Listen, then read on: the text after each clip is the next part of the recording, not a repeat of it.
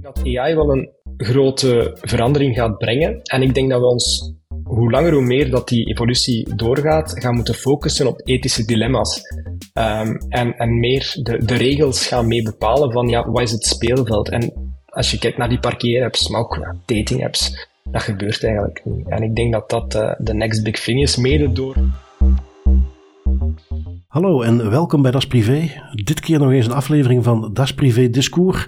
Een aflevering van Das Privé waarin we wat meer de verdieping opzoeken met een gast die we uitnodigen voor een gesprek. Ik ben heel erg blij dat wij dit keer, uh, ja wat toch, als je dat gaat opzoeken, wat je meteen terug ziet komen, werelds, een van 's werelds beste hackers, uh, Belgisch beste hacker in ieder geval, uh, Inti de Keukelaren. Uh, Inti haalt ook regelmatig het nieuws met interessante capriolen die je uithaalt.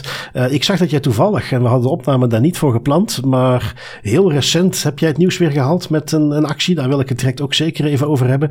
Uh, maar misschien vind ik het altijd leuk om even te beginnen met een stukje origin story. Uh, hoe, hoe ben jij erin terechtgekomen? Uh, is dat iets wat jij meteen al van jongens af aan wist, dit wil ik gaan doen? Is dat iets wat pas de laatste jaren gegroeid is? Hoe, hoe ben je begonnen met, met security en alles wat daarmee te maken heeft? Precies. eerst en vooral bedankt voor de uitnodiging. Heel, heel blij om hier te zijn. Um, ik denk dat heel veel mensen, als ik kijk naar de hackers die ik ontmoet, uh, want momenteel ben ik een, vooral een community manager. Uh, ik beheer een community van ongeveer 60.000 ethische hackers wereldwijd.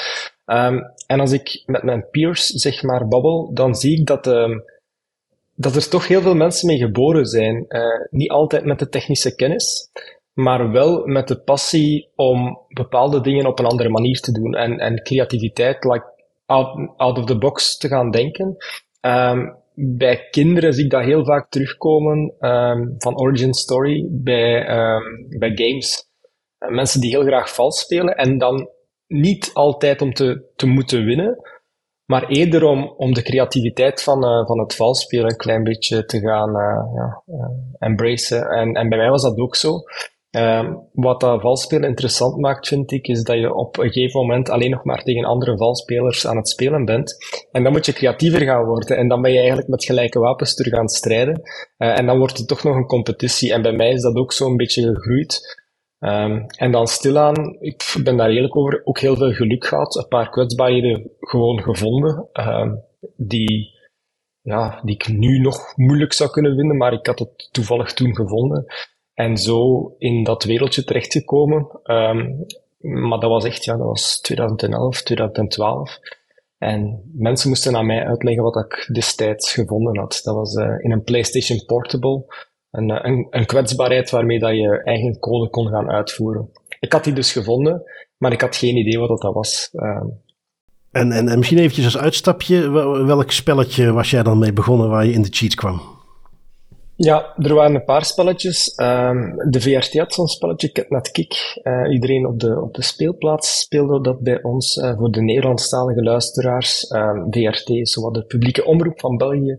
En uh, ja, die hadden dus voor kinderen een spelletje gemaakt. En daar was zo'n mysterieus eiland aan waar dan niemand op kon. maar ik had dus gezien dat als je naar de, ja, als je een beetje ging gaan reverse engineeren, dus die code een klein beetje ging gaan aanpassen, dat je je spronghoogte kon gaan verhogen. En op die manier kon je kon je alsnog naar de eiland en dat bleek dan helemaal uh niks te zijn. Dat was een wortel die ze voor onze ogen hadden gespannen als kinderen. Uh, maar ik vond dat wel leuk om daarmee te kunnen uitpakken. En dan mhm. later uh, had ik een PlayStation gekregen en, en, en dat is dan dat verhaal van die kwetsbaarheid dat we gevonden hebben. Um, ja, ook puur per ongeluk. Um, anders kan ik, ik... Ik wou dat het spectaculairder was, mijn origin verhaal. Uh, dat ik echt een of ander genie was, maar dat is, dat is helaas niet zo. Uh, maar zou je niet kunnen zeggen, want daar hoor je toch vaak ook bij inderdaad het soort type mensen wat uiteindelijk hacker wordt. Uh, aan de ene kant is het geluk, aan de andere kant, je stond er wel voor open, je ging op zoek naar dingen. Het is daarom niet dat je het briljante genie was wat de code helemaal reverse engineerde, maar je probeerde gewoon iets. En dat is toch ook al een mindset op zich? Ja, ja, misschien heb je daar wel gelijk in. Je moet ergens, wat ik heel veel zie voortkomen, is doorzettingsvermogen. Ook toen ik ben begonnen als uh, ja, professionele ethische hacker, zeg maar. Uh, als ik nu terugkijk op mijn eerste aantal jaren, uh, was ik eigenlijk echt, echt niet zo goed. En, en dan heb ik vooral veel geleerd door ellenlange nachten gewoon te proberen, te proberen, te proberen. En als je dan in een competitieve sfeer terechtkomt, dan um, versnelt dat alleen maar, want je wilt, hè, je, hebt zo van die leaderboards, een beetje zoals bij tennis, hè, dan ben je nummer zoveel van de wereld en je wilt altijd eentje hoger. En op een gegeven moment kom je daar in een, in een globale ranking terecht, in de top 100 eerst, dan in de top 50 en je wilt, je wilt gewoon die top 10 halen. En dat, mm. uh, dat, heeft, dat heeft het voor mij persoonlijk gedaan, een beetje die gamification. Maar, maar iets wat het misschien dan, of wat jou ook in die zin een beetje op de kaart zette. Je hebt op een gegeven moment heb je in 2018 meegedaan aan het verhaal van Hacker One. Waar je met z'n allen in een zaal zit. En als je dan zegt hè, met, met die ranking, die leaderboard, dat kun je op een afstandje doen. Dat is misschien dat daar geluk een rol speelt. Maar op het moment dat je met een hele berg uh, in zo'n zaal zit. En daar is gewoon na die, wat was het, vijf dagen geloof ik, komt er een winnaar uit. Ja, dat, dat, op dat moment was je toch echt wel een van de beste die er rondliep. Oh ja, een van de beste. Zoveel eer ga ik mezelf niet opstrijken. Ik had, ik had een paar interessante lekken gevonden toen. Um, het is, ik zeg altijd, het is 20% uh, eh, technische kennis en dan 30% doorzettingsvermogen en ook 50% geluk. Ik herinner mij nog dat ik in de laatste twee minuten van de allerlaatste dag van de competitie nog iets ongelooflijk stom hadden gevonden. Ik stond ongeveer gelijk met het Zweedse team. En dat op zich was al een, een heel gezonde rivaliteit. Hè. Wij mhm. deden allemaal pranks met elkaar en was altijd het Belgische team, zeg maar, tegen het Zweedse team. En ik wou, dus die laatste tien minuten, ik wou echt nog iets vinden, want ik wou niet dat die Zweden wonnen. Ik zou ze het wel gunnen hoor, wij zijn wel mm vrienden, maar ik dacht van, ja, het is niet België tegen Zweden. En ik had, um, ik had PowerPoints gevonden, heel vreemd, want wij, alle technische dingen die ik kon, um, had ik geprobeerd. En dan dacht ik, ik ga nu gewoon eens op Google uh, we moesten bepaalde ja, targets van het, uh, van het Amerikaanse ministerie van Defensie gaan hacken. En ik had bepaalde powerpoints gevonden gewoon door, door te googlen.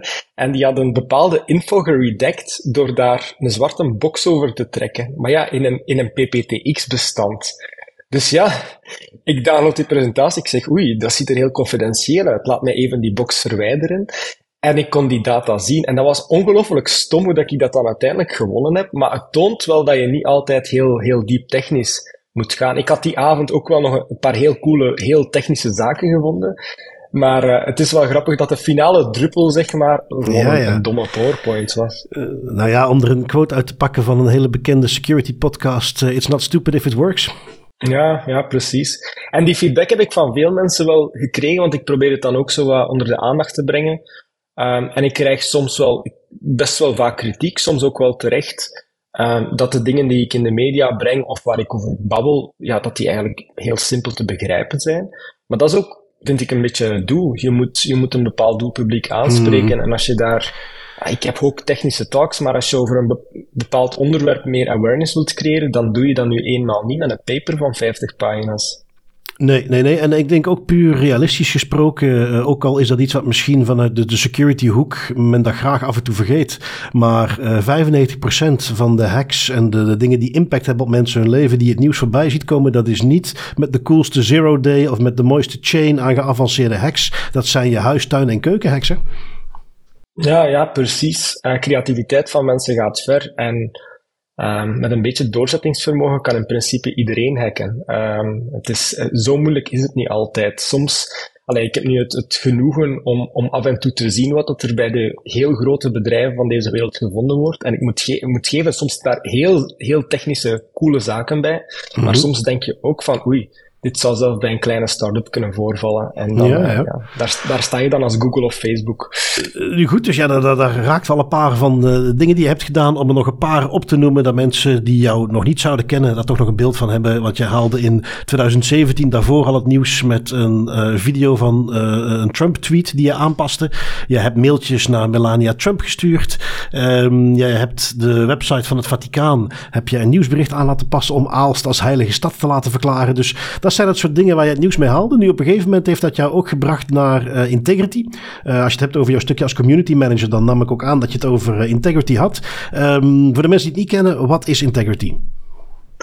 Integrity is een bug bounty platform. Uh, wat wil dat zeggen? Dat is een platform waar bedrijven zich op kunnen aanmelden en die kunnen daar een community, ik, heb, ik heb er al over gesproken, ongeveer 60.000 hackers wereldwijd, wij groeien elke dag verder, kunnen die gaan uitnodigen om te hacken op hun systemen. Enkel die systemen van waar dat zij zeggen van kijk, op deze systemen mag je testen, mogen uiteraard getest worden en volgens een heel specifieke set aan regels. Het is natuurlijk niet de bedoeling dat als je een bedrijf hackt, dat ze daar schade van ondervinden of dat je um, systemen neerhaalt. Dat zeker en vast niet. Um, en we hebben ook heel strikte regels, bijvoorbeeld in verband met rapportage. Je moet uh, confidentieel omgaan met de informatie die je vindt. Je moet het binnen een bepaalde termijn gaan melden. Um, en zo kunnen die bedrijven dat dus gaan oplossen. En dat werkt eigenlijk heel erg goed. Um, je hebt ook als bedrijf de mogelijkheid om dan een uitbetaling naar die hackers te gaan voorzien. Uh, maar het is niet zo, het is, het is geen ransomware of zo. Dus um, dat zijn bedragen, je kiest die zelf, uh, dat zijn beloningen. En op voorhand wordt er gecommuniceerd van oké, per lek kan je ongeveer zoveel en zoveel en zoveel bij ons krijgen. Maar je hebt nog altijd de finale beslissing. En het is ook heel belangrijk om te begrijpen dat er pas kan betaald worden nadat je alle nodige informatie gekregen hebt om een lek op te lossen. Um, dus het is geen soort van afpersingmodel. Nee, het is, het is zoals werken met consultants. Alleen worden mensen betaald voor de impact die ze genereren. Ja, en misschien daar met het verschil. Uh, iemand wordt pas betaald op het moment dat er ook aantoonbaar iets gepresteerd is. In die zin, uh, ik, ken Integrity ook in die zin, omdat ik bij een aantal klanten van mij die hebben ook een bug bounty uh, programma lopen via Integrity. En om dan daar voor de mensen die interessant vinden maar een idee te geven, dat zijn uitbetalingen tussen 2 en de 5000 euro, afhankelijk van hoe, hoe ernstig het lek is. Um, hè, dus dat zijn, als je soms wel eens gaat kijken, de nieuwste Zero Day op Android levert je een miljoen op. Ja, dat, dat zijn niet zo'n bedragen waar we het hier over hoeven te hebben. Um, ja, uh, nee, we hebben, we hebben, natuurlijk wel, ja, we hebben de, de betalingen variëren. Um, en dat hangt een klein beetje af van de grootte van een bedrijf, ook van de maturiteit natuurlijk. Als je er net mee begint, dan gaan wij zelf aanraden van, kijk, begin met iets lagere uh, uitbetalingen. We, hebben, we, volgen echt wel, dat is een markt voor. Uh, niet dezelfde als de zwarte markt, de witte markt, zeg maar.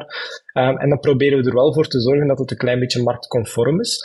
Maar in het begin, als een programma bij ons begint, dan gaan we altijd aanraden om daar zeker 20% onder te zitten. Om ook gewoon te zien dat je niet direct door je budget zit. Um, en dan schalen wij dan gradueel op.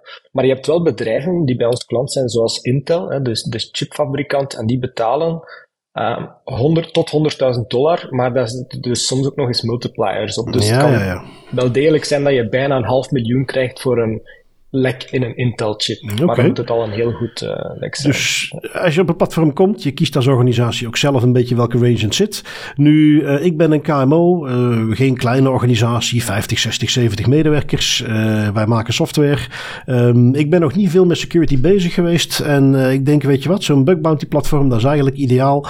ik ga me daar gewoon op aanmelden. Is dat volgens jou een goed idee om op dat moment al aan bug bounties te gaan beginnen?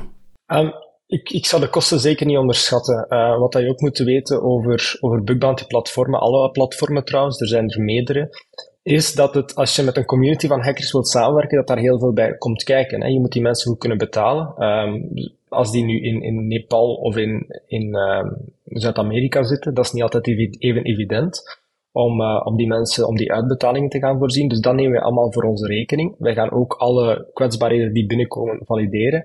Maar dan zit je wel al aan een vrij hoge basekost en dan heb je, heb je zelf die hackers nog niet betaald. Um, dus ik wil zeker niet de commerciële boodschap brengen dat bug bounty dat dat interessant is voor iedereen. Um, zeker in, in, in KMO-geval ehm, kan het zijn dat de budgetten er gewoon nog niet zijn. Maar wat ik wel aan elk bedrijf zou aanraden en naar mijn mening zelf op, ter, op verloop van tijd verplicht zou moeten worden, dat is een responsible disclosure beleid. Dat is volledig gratis. En dat is eigenlijk een soort van uh, melding, een soort van kader dat je op je website publiceert. Je hebt daar templates voor die gaan uitleggen van kijk, als je een kwetsbaarheid vindt, dit zijn de stappen om ze te melden aan ons, maar houd je wel even aan deze regels. Um, en wat dat we toch wel zien, uh, ik heb het in 2019 voorgesteld in Aalst, de stad waar ik zelf woon. Die hebben dat gewoon op hun website gezet en gisteren hebben ze toevallig de resultaten bekendgemaakt. Uh, ze hebben al 58 kritieke kwetsbaarheden of, of minder kritieke kwetsbaarheden opgelost uh, via dat platform, uh, via dat programma. Uh, dat heeft hem niet, niets gekost. Ze betalen die hackers ook geen geld voor. ook geen t-shirt. In, in, Nederland krijg je een t-shirt. I hack my government and all I got was this lazy t-shirt. Een lousy t-shirt. Daar zit, zitten we nu nog niet. maar het is toch wel opmerkelijk dat ze zelf gewoon door een dankjewel te geven 58 kwetsbaarheden hebben kunnen oplossen van mensen uit Australië, uh, uiteraard ook België, maar zelfs tot in de Verenigde Staten. Ik, vind dat, ik vind dat toch wel, ben daar toch wel trots op. Is dat dan een responsible disclosure wat zij zelf hebben georganiseerd? Ik ging toevallig even aan de privacy pointer die wij in onze laatste aflevering gaven, was net gelinkt aan een security.txt uh, op je website zetten. Of was dat iets wat ook via Integrity loopt? Uh, nee, ze hebben dat zelf georganiseerd, wel met onze hulp. Um, we hebben hen daar een beetje in begeleid, uh, die teksten mee, mee aangeleverd. Daar zijn nu wel templates voor. En inderdaad, security.txt is ook een heel goede standaard nu. Toen was dat er nog niet echt, of dat was toch nog niet volledig doorgevoerd. In, inmiddels is dat echt een RFC geworden. Um, en zou ik dat elk bedrijf aanraden, want dan kunnen hackers ook heel gemakkelijk, ethische hackers weliswaar, gemakkelijk je contactgegevens vinden. Nu, uh, we maken natuurlijk eventjes de, de bocht naar privacy ook. Uh, ik uh, zit op zo'n, of het nu een, een bug bounty platform is, ik ben bij Integrity, maar ik heb met hackers te maken die vinden kritieke kwetsbaarheden, kritiek op zo'n manier dat zij toegang krijgen tot mijn database, tot heel veel persoonsgegevens, gevoelig. Um, hoe, hoe weet ik dat die daar op de goede manier mee omgaan? Dat is een heel goede vraag. Dat is ook een vraag dat we elke keer krijgen. Uh, dus het is, een, uh, het is een, ja, iets, een bezorgdheid dat bij vele mensen speelt. En het antwoord daarop vind ik persoonlijk heel erg logisch. Uh, in principe, als bug bounty programma geef je standaard niet meer informatie aan mensen dan aan elke andere persoon op het internet. Dus het is niet dat ze, dat ze een, een voordeel krijgen ten opzichte van andere malafide hackers.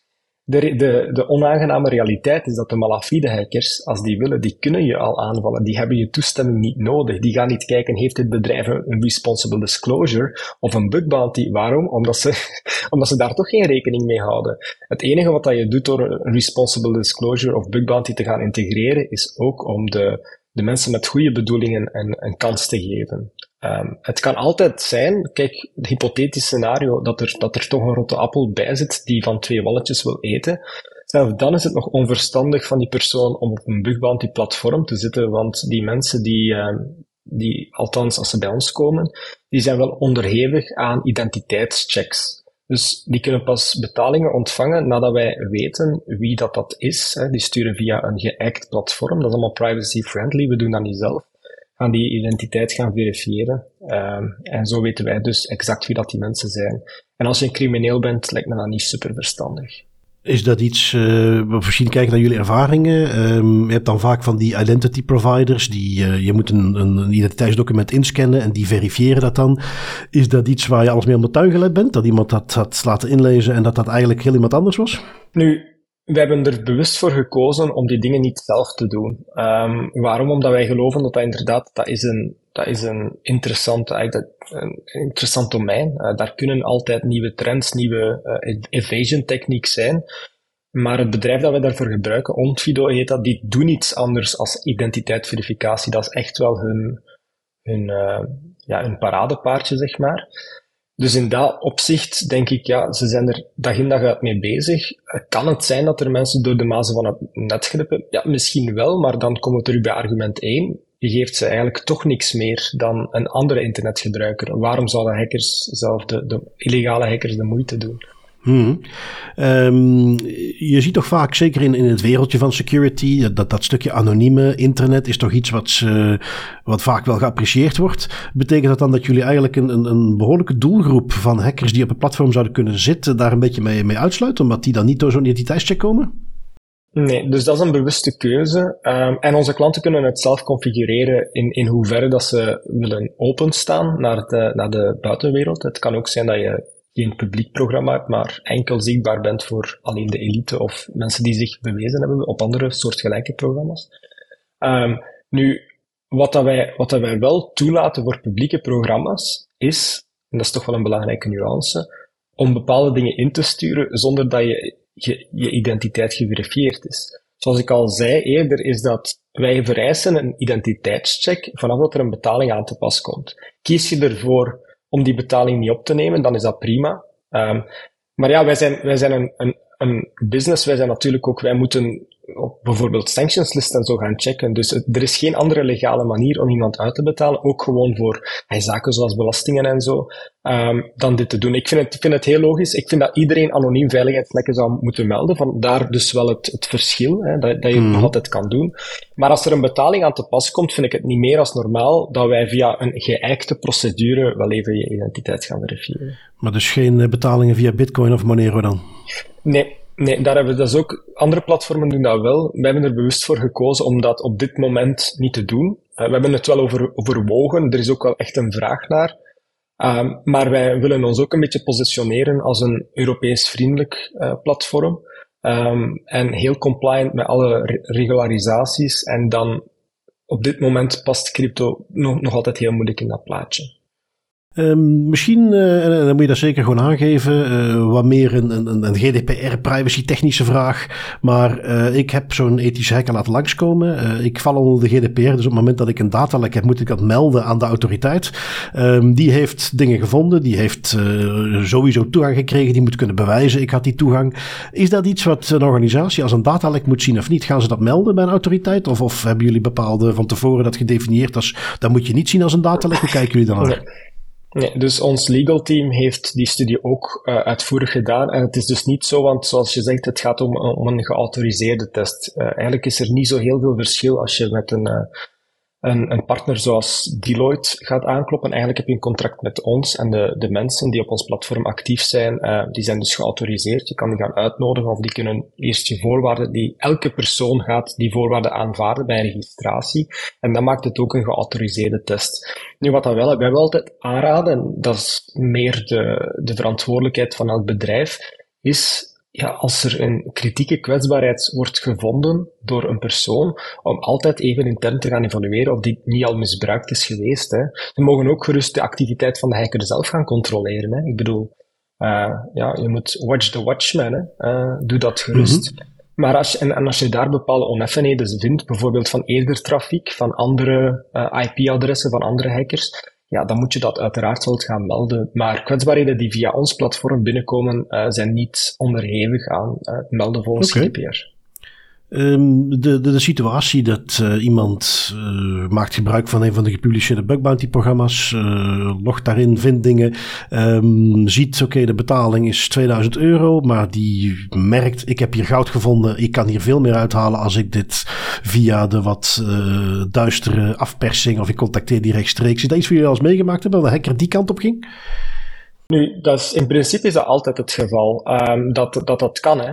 Um, ik heb in het verleden al zoveel kwetsbaarheden gevonden en er een, onlangs nog eentje bij Google van waar ik echt dacht van, maar als ik dit misbruik en de, de, de uitbetaling viel wat tegen, zeg maar, en dan dacht ik toch ook wel even van, maar je hebt natuurlijk wel ethische normen. Uh, ik maak graag de vergelijking met apothekers die waarschijnlijk toegang hebben tot heel veel middeltjes die anders illegaal zouden of toch illegale middeltjes kunnen maken. Kunnen die meer verdienen door daar een beetje in de haven van Antwerpen te gaan leuren? Waarschijnlijk wel.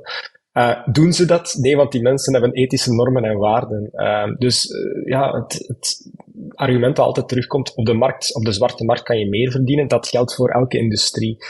Um, maar ja, de, de, regels zijn heel duidelijk. En ik moet ook wel zeggen dat wij een heel um, zelfregulerende community hebben. Uh, we hebben heel lang moeten vechten voor geloofwaardigheid bij bedrijven. Eindelijk beginnen heel veel bedrijven het nut van samenwerken met ethische hackers ervan in te zien. Ondertussen maken veel meer ethische hackers de stap om dit fulltime te gaan doen. Dan is het ook in de uh, best interest van al onze collega's, zeg maar, uh, van de collega-ethische hackers, dat er geen rotte appels tussen zitten. Um, dus, dus reputatie is enorm belangrijk. En als, als blijkt dat je toch van twee walletjes eet, ja, dan word je verbannen van die community. En, en, en dat is alles gebeurd? Ik heb het zelf nog niet meegemaakt, nee, maar ik weet bijvoorbeeld iemand die, die vroeger in de gevangenis heeft gezeten omdat hij, omdat hij illegaal gehackt heeft. Nu doet hij dat, en dat, dat is wel nog een grappig verhaal, want die is dat nu aan het doen voor hetzelfde bedrijf dat hij destijds voor naar, naar de gevangenis moet gaan. Uh, maar die zegt, ja, ik heb mijn leven gebeterd en dat kan soms ook. Hè. Um, dus ah, ja, fijn, dat is, het is niet omdat er tien jaar geleden was het niet mogelijk. Ik geef dat eerlijk toe. Ik heb ook in het verleden um, al bepaalde zaken gedaan die, die ik waarschijnlijk nu, vandaag de dag, niet meer zal mm doen. Dat waarschijnlijk ook toen niet echt helemaal legaal waren. Heb ik ooit schade aangericht? Nee, ik vind, ik vind eigenlijk van niet. Uh, maar de wereld zag er anders uit en ik denk dat we vooruit moeten kijken. En ja, jeugdzondes kan iedereen begaan. Ja, Oké. Ehm, als ik uh, kijk naar de, een aantal activiteiten waar jij ook het uh, nieuws mee haalt. Um, denk aan bijvoorbeeld recent rond uh, de parkeerapps. Op een gegeven moment ga je bedenken of je komt iets tegen, dan zet je op het spoor. Um, er is een principe in de context van de GDPR dat we privacy by design noemen. Dat je voordat je een nieuwe app gaat maken of dingen gaat doen, dat je nadenkt, oké, hoe moet ik hier vanuit privacy perspectief naar kijken? Is dat iets waar jij van tevoren dan bij jouw acties eens na gaat denken van oké, wacht even, wat kan hier de impact zijn op individuen? Hoe moet ik hier naar, naar privacy mee omgaan voordat je daarmee van start gaat? Um, ja, um, heel interessante vraag. Dat van die parkeerapps, dat is heel toevallig gekomen. Uh, ik had zelf zo'n app geïnstalleerd en ik ja, dacht gewoon van, ja maar, wat als? En ik mm -hmm. denk dat, ik kan mij moeilijk van de indruk ontdoen. Het was echt zo simpel dat niet nog meer mensen zich daar hebben afgevraagd of het misschien al deden. Uh, ik denk nu niet dat ik uh, Christopher Columbus gewijs iets nieuws ontdekt heb. Ik denk dat ik het gewoon onder woorden heb gebracht en het ja, er data heb opgeplakt. Hè. Ik heb uh, een beetje geld geïnvesteerd om een test te gaan doen. Ik heb aan 120 verschillende auto-eigenaars gevraagd van wil je meedoen aan een privacy-experiment? Stuur mij je nummerplaat. Um, ik heb die in mijn app gezet. Ik heb voor drie maanden lang in parkeersessies betaald. Um, die hadden dat niet door, want ze stonden in mijn app.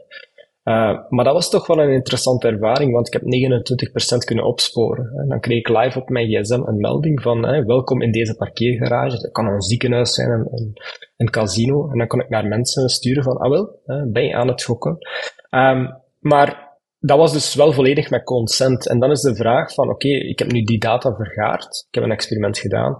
Wat ga ik nu eigenlijk met die data gaan doen? Hè? Hoe ga ik dat gaan brengen naar, naar het breder publiek? Al snel had ik gemerkt um, dat heel veel van die parkeerbedrijven, dat, dat is eigenlijk gewoon, je hebt het over privacy by design.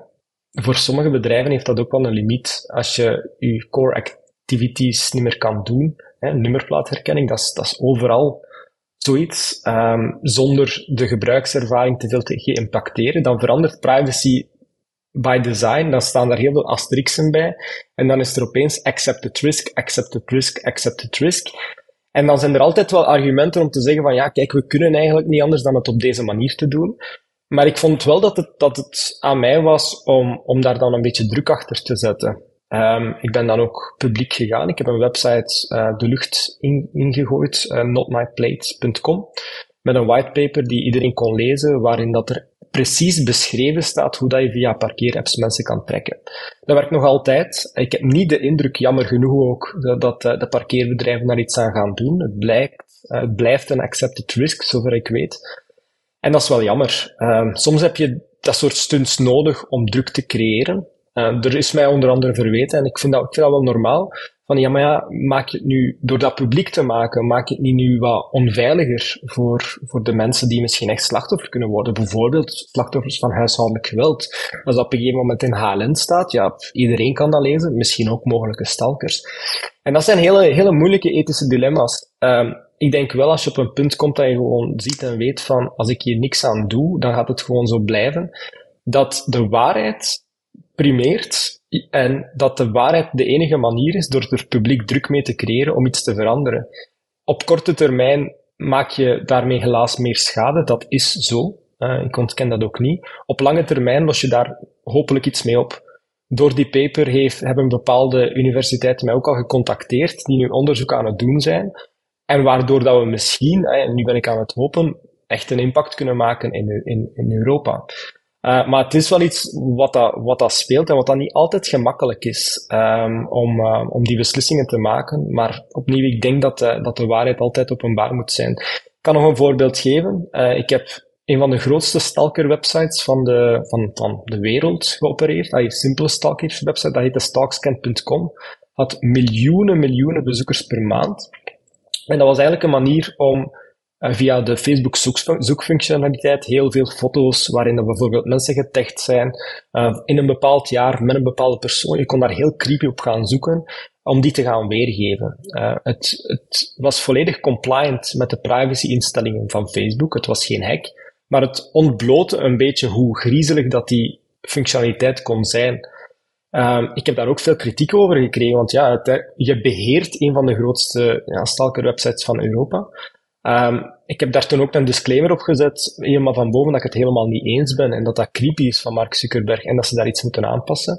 Uiteindelijk hebben ze ervoor gekozen, twee jaar wel, dat heeft heel lang geduurd, twee jaar na datum, hebben ze ervoor gekozen om mede door die website, om uit dat volledige product de stekker te trekken.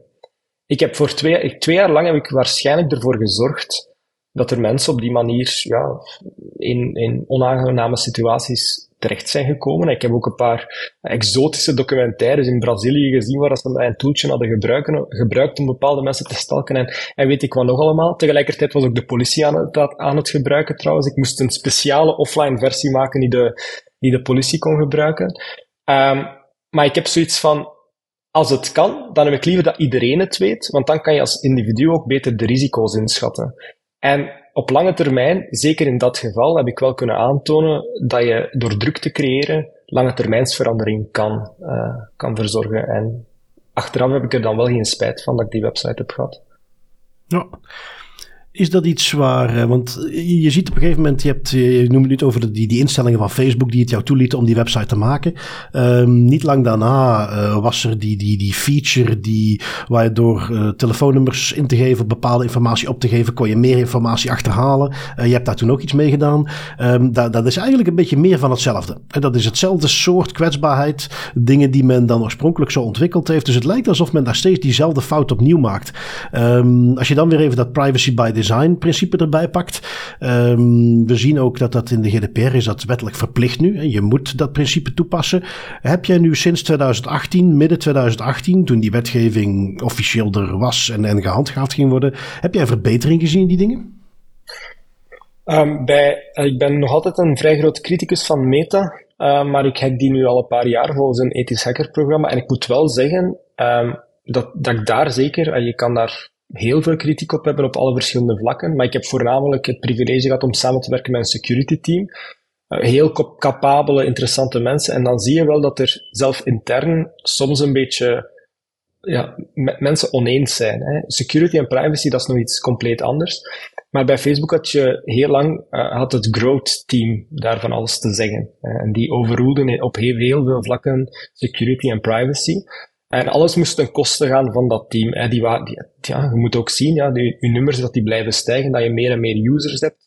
En dat kan je alleen doen volgens Zuckerberg door mensen te verbinden. Ik snap dat ook. Hè. Uh, er zijn heel veel investeerders in je nek te hijgen. Make the price go up. Um, en dan kom je, denk ik, en dat daar stuiten we een klein beetje op de limieten van de vrije markt. Je komt, zeker bij die mastodonten van bedrijven, die komen altijd in een parket waarbij dat je haast helemaal aan de top waar dat de ethische keuzes steeds minder en minder en minder beginnen worden uh, om, om die verwachte groei te maken. En dan kom je in zo'n parket terecht. En ik geloof wel dat er, dat er mensen bij Facebook het met mij eens waren. Nu, ik heb bij Facebook de eerste veranderingen gezien, uh, niet door GDPR aan zich, maar door Cambridge Analytica.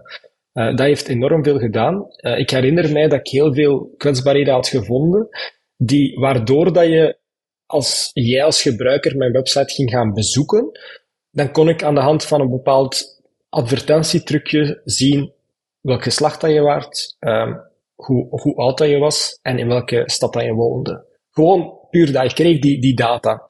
Dat ging door een afbeelding in te laden dat enkel door die doelgroep zichtbaar was en dan de hoogte van die afbeelding te gaan checken.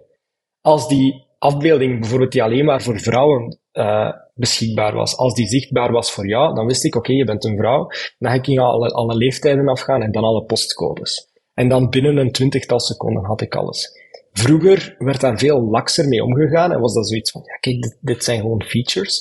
Maar nu zie ik dat ze op dat soort, dat heet de-anonymization attacks, dat ze daar zelf bonussen voor hebben lopen. En dat ze daar, ja, die prijzen dat zijn vervijfvoudigd. Als je nu een heel klein veiligheidslekje vindt dat de identiteit van een Facebook-gebruiker kan prijsgeven, dan krijg je daar duizenden euro's voor. Dat was voor Cambridge Analytica niet.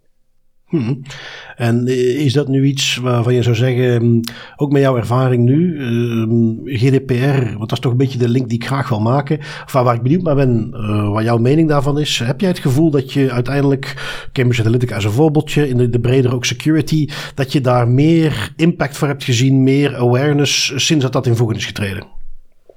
Ja, absoluut. Dat is altijd de vraag uh, die wij krijgen. Um, hoe zit dat met GDPR? En, en ook heel veel mensen die gewoon schrik hebben van de boetes, van de repercussies van een data breach. Dus ik denk dat dat wel heel veel doet.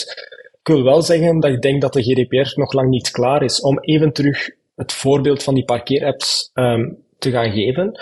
Het argument waar dat bepaalde parkeeroperatoren mee afkomen, is van, ja, maar jij, bent eigenlijk geen klant van ons. Hè. Stel nu dat ik jouw nummerplaat ga invoeren, en um, ja, je bent geen klant bij één van die parkeerbedrijven, je hebt, daar, je hebt die app niet staan, je hebt geen account. Ik kan nog altijd je auto trekken. Ik ben de klant, ik verwerk jouw persoonsgegeven voor mijn eigen account.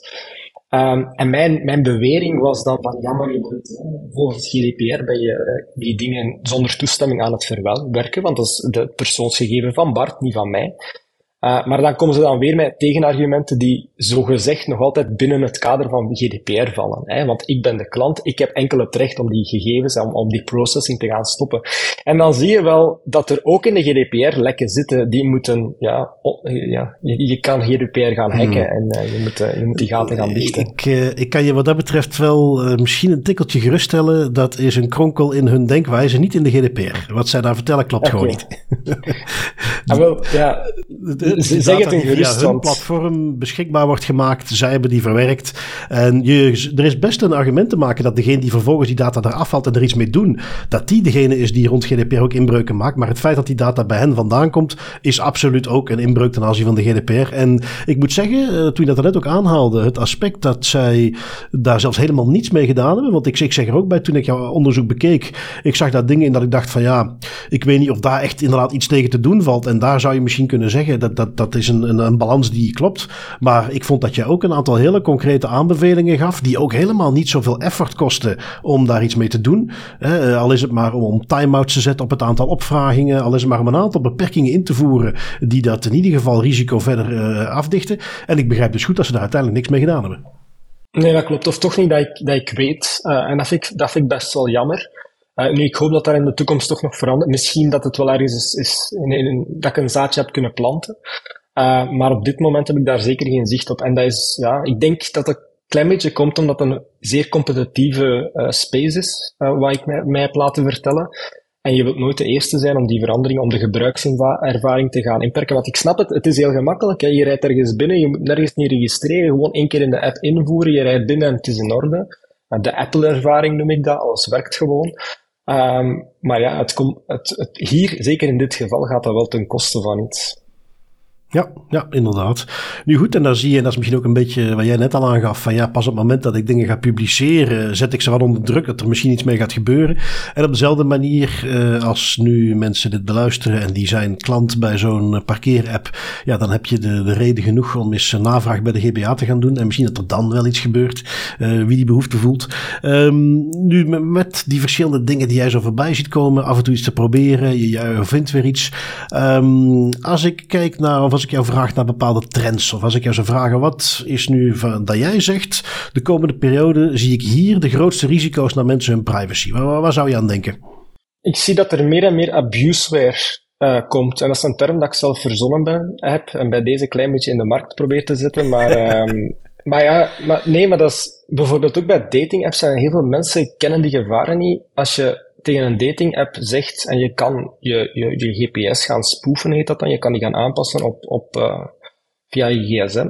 Als je tegen een dating app zegt van ik ben op drie verschillende locaties en je vraagt telkens drie keer hetzelfde profiel op, dan kijk je hoe ver is dat profiel van mij verwijderd. Dan kan je gewoon die punten gaan verbinden en dan weet je dus exact waar een bepaalde persoon zich is. Die app die werkt zoals dat die hoort. Um, maar ja, je kan het gaan misbruiken en ik denk dat daar zeer weinig aandacht is voor geweest. Er is heel veel aandacht voor privacy al geweest. Er is heel veel aandacht geweest voor security. Maar nog nooit echt voor die, ja, hoe moet ik, fraude?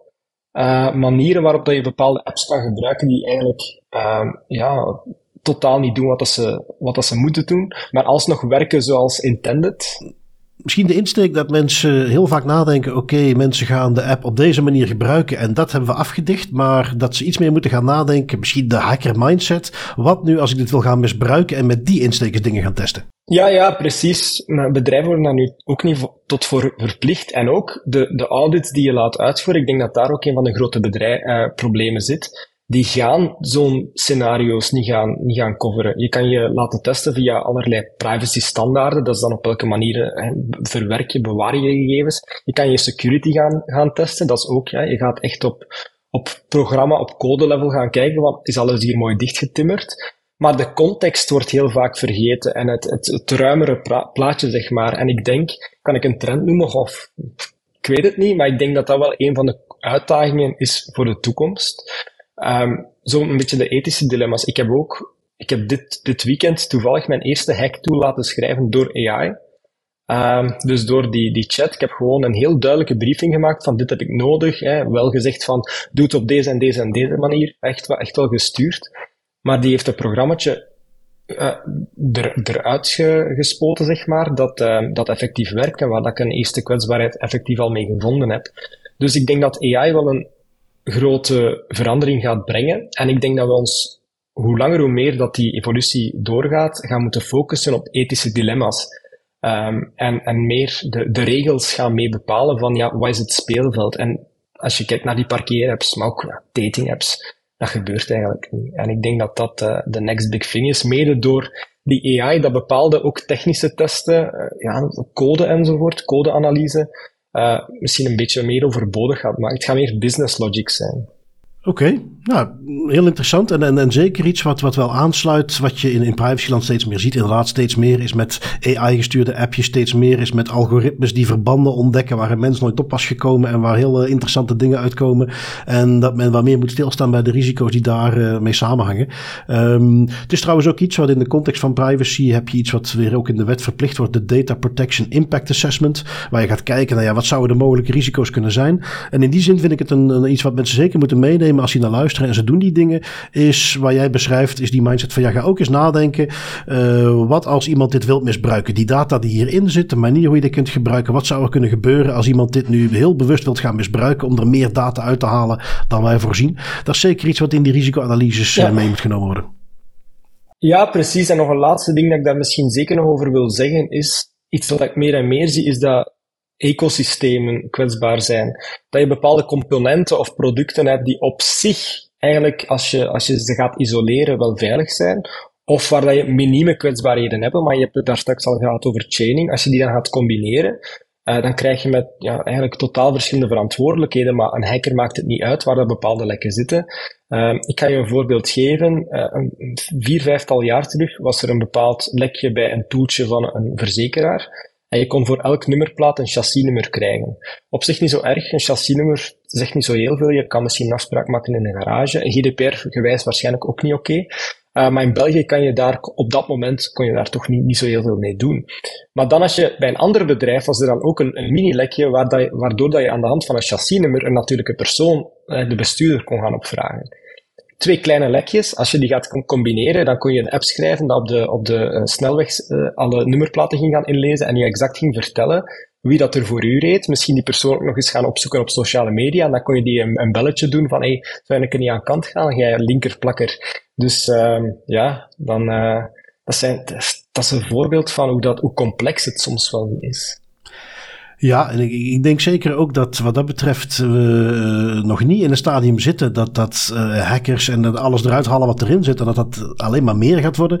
En ik denk om daarmee af te sluiten, een klein beetje de actualiteit erbij te pakken. Iets wat ook zeker nog niet op zijn hoogtepunt zit of, of gaat verdwijnen is ransomware. Um, Antwerpen is er uh, door getroffen.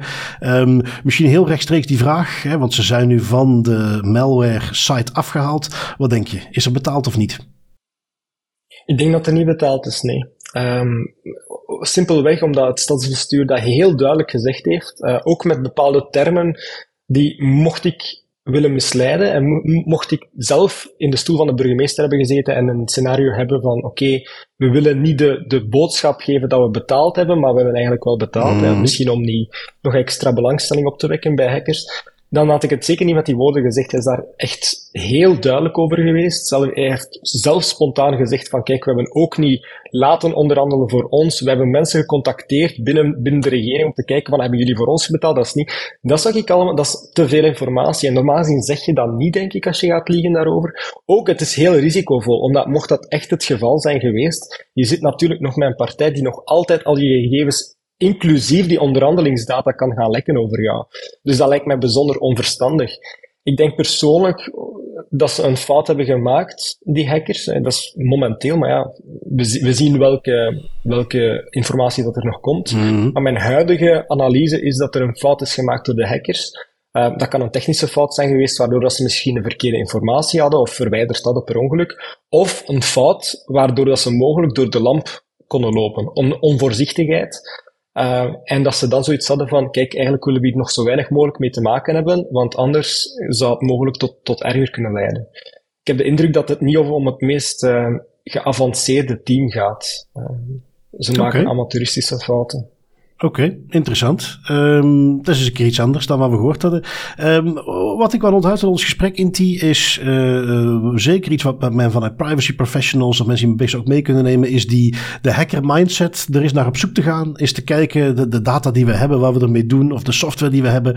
Wat gebeurt ermee als we die eens voor iets anders gaan gebruiken dan wat die voor bedoeld is? En dat je daarmee, en jij noemde het een paar keer toch een stukje geluk. Ik denk echt wel dat dat iets is waar je naar op zoek moet gaan en wat misschien technisch niet altijd heel geavanceerd is, maar wat wel een mindset is. En dat een mindset is die mensen ook eens mee mogen nemen als ze vanuit privacy perspectief gaan kijken naar, naar apps en dingen die ze gebruiken.